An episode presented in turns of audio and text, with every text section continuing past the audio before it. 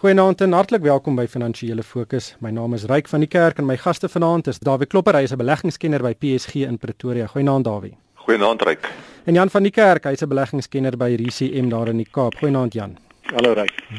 Wel dit was 'n baie interessante week en en die storie wat vir my uitgestaan het is die besoek van Pravin Gordhan aan Londen en New York om beleggers 'n bietjie hulle senuwees te gaan kalmeer.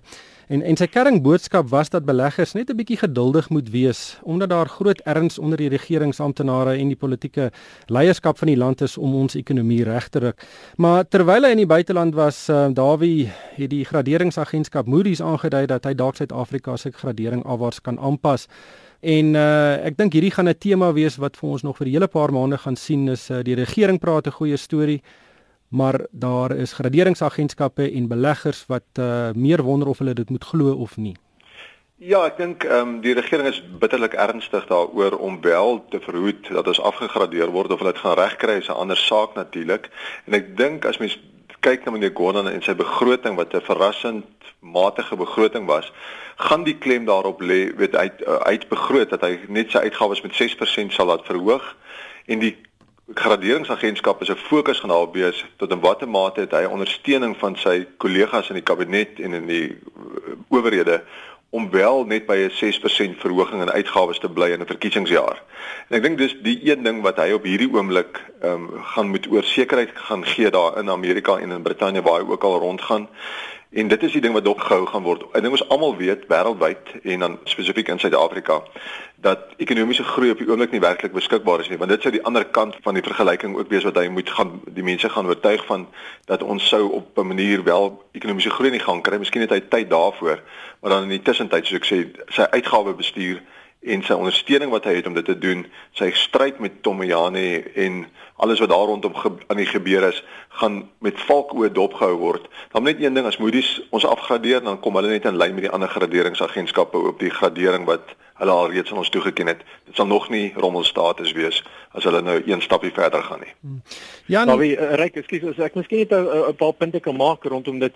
Onthou dis afgraderingsseisoen in die wêreld op die oomblik. Jy weet dis nie net Suid-Afrika wat die moontlikheid in die gesig staar om afgradeer te word nie. In Brasilië is maar die dag afgradeer en vir die van julle wat nie dopgehou het nie, net daarna die Brasiliaanse real redelik versterk teen die dollar en hulle rentekoerse het afgekom. So dis nie net 'n Suid-Afrikaanse ding nie. Die tweede punt is 'n gradering deur hierdie agentskap is nie 'n populariteitskompetisie nie.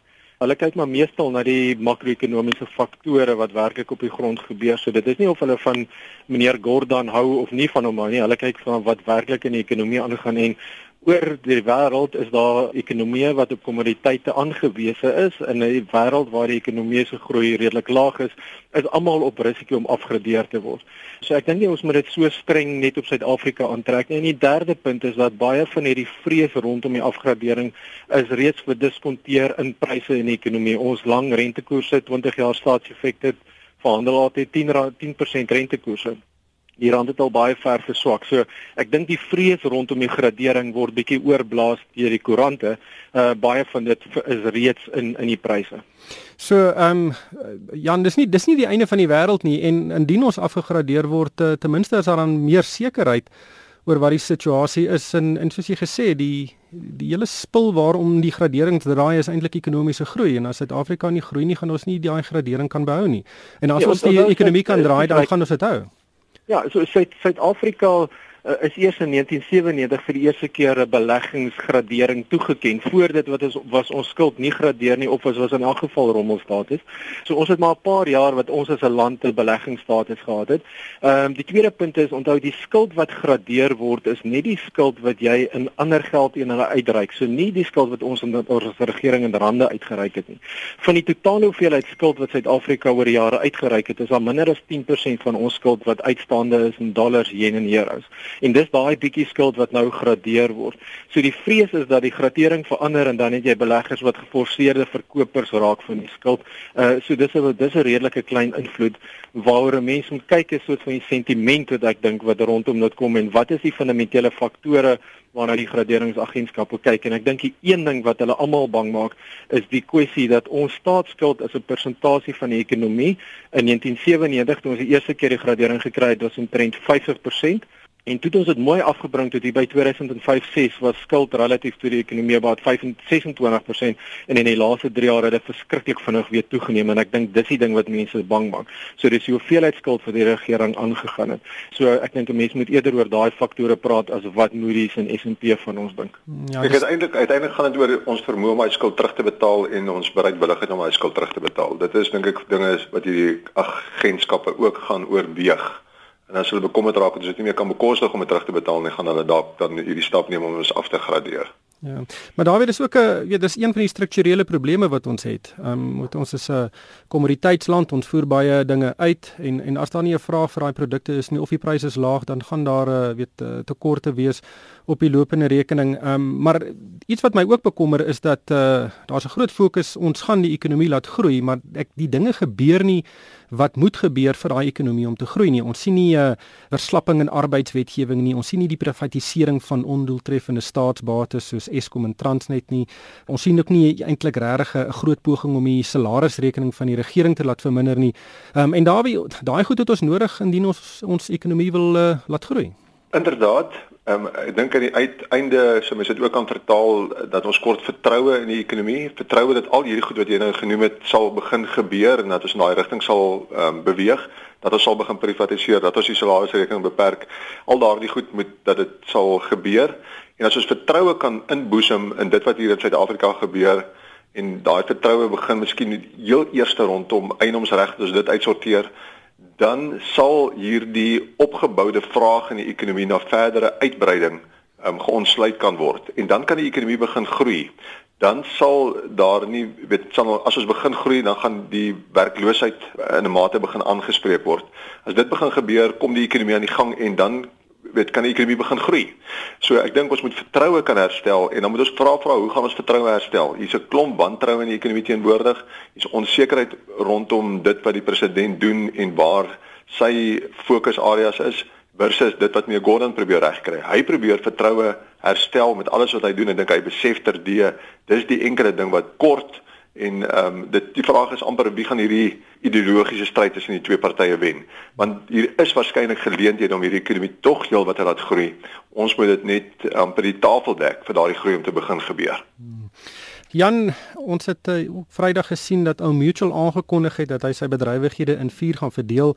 Uh, dit volg na maande se bespiegeling oor wat hulle presies gaan doen en hulle gaan nou hulle bedrywighede in 4 verdeel.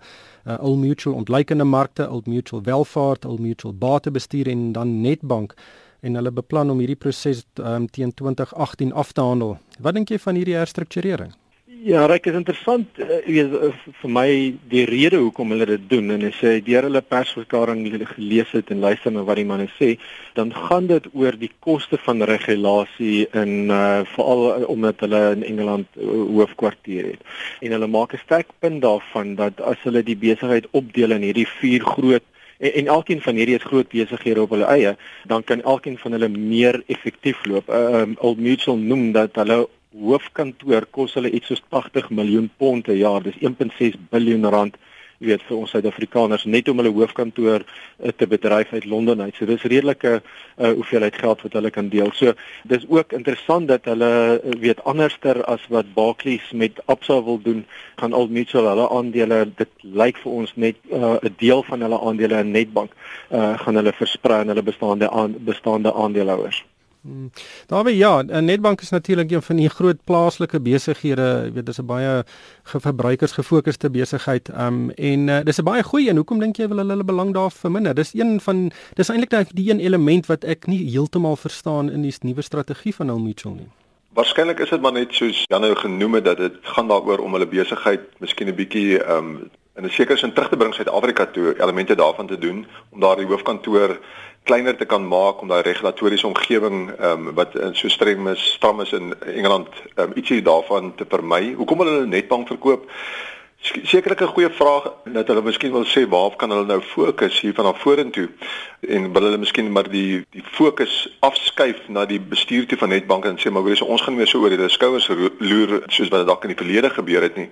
Uiteindelik gaan netbank op sy eie bene staan en gaan ons meer aandele in Netbank hê die begin wat Old Mutual aandele nou besit het. En maar Netbank en hulle noem dit ook in hulle verklaring is 'n onafhanklik bestuurde besigheid alreeds soos wat dit is. Hulle gaan 'n stukkie behou nog of 'n redelike belang nog daarin behou. Hoekom hulle dit wil doen is ek dink dit is oor waardeontsluiting. Ek dink hulle voel dalk in die finale instansie dat daar nie genoeg besigheid op die boonste vlak uh, word nie erkenning gegee vir die waarde wat in die filiale opgesluit is nie of in hierdie onderdele vier besighede opgesluit is nie. En ek dink ons gaan sien dat daar baie waarde ontsluit word in die uitdeel of in die verdeling van hierdie vier besighede in vier aparte besighede. Ja net laastens, uh, weet as mens nou 'n uh, weet met 'n helikopter opstyg en kyk afkyk na hierdie strategie, weet Netbank het nou al baie aggressief in die buiteland probeer uitbrei en sy kop 'n paar keer gestamp. Dink jy dis 'n geval van terugkom Suid-Afrika toe want dis die mark wat hulle die beste ken? Ek dink onthou dit 'n goeie twee daar is van Old Mutual Groep se winste kom in elk geval uit Suid-Afrika uit, weet alles hulle in Engeland genoteer. So ek dink dis maar 'n gewaarwording weet dat 'n uh, skoenhouer 'n skoenmaker hou jy by jou lees. Ehm um, miskien 'n ander punt om net oor Netbank te noem is as ek reg is, dan is Netbank die enigste van die vier groot banke wat al twee keer 'n regte uitgifte moes doen omdat die bank in die moeilikheid gekom het met te min kapitaal. So dit sal interessant wees om te dink hoe Netbank se bestuur dit vorentoe gaan hanteer.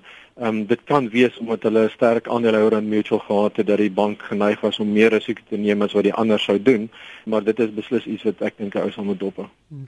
Dawie Sasol het ook resultate bekend gemaak. Winste is 25% laer wat eintlik relatief goed was omdat die olieprys basies laer was as wat dit was in die vorige of die vergelykende tydperk. Maar die groot aankondiging was dat uh, Sasol gaan sy uh, aanleg in Louisiana in Amerika, die bou van 'n aanleg 'n bietjie vertraag en om daardeur 'n bietjie uh, geld te spaar en dit is ook nie eintlik onverwags gewees nie.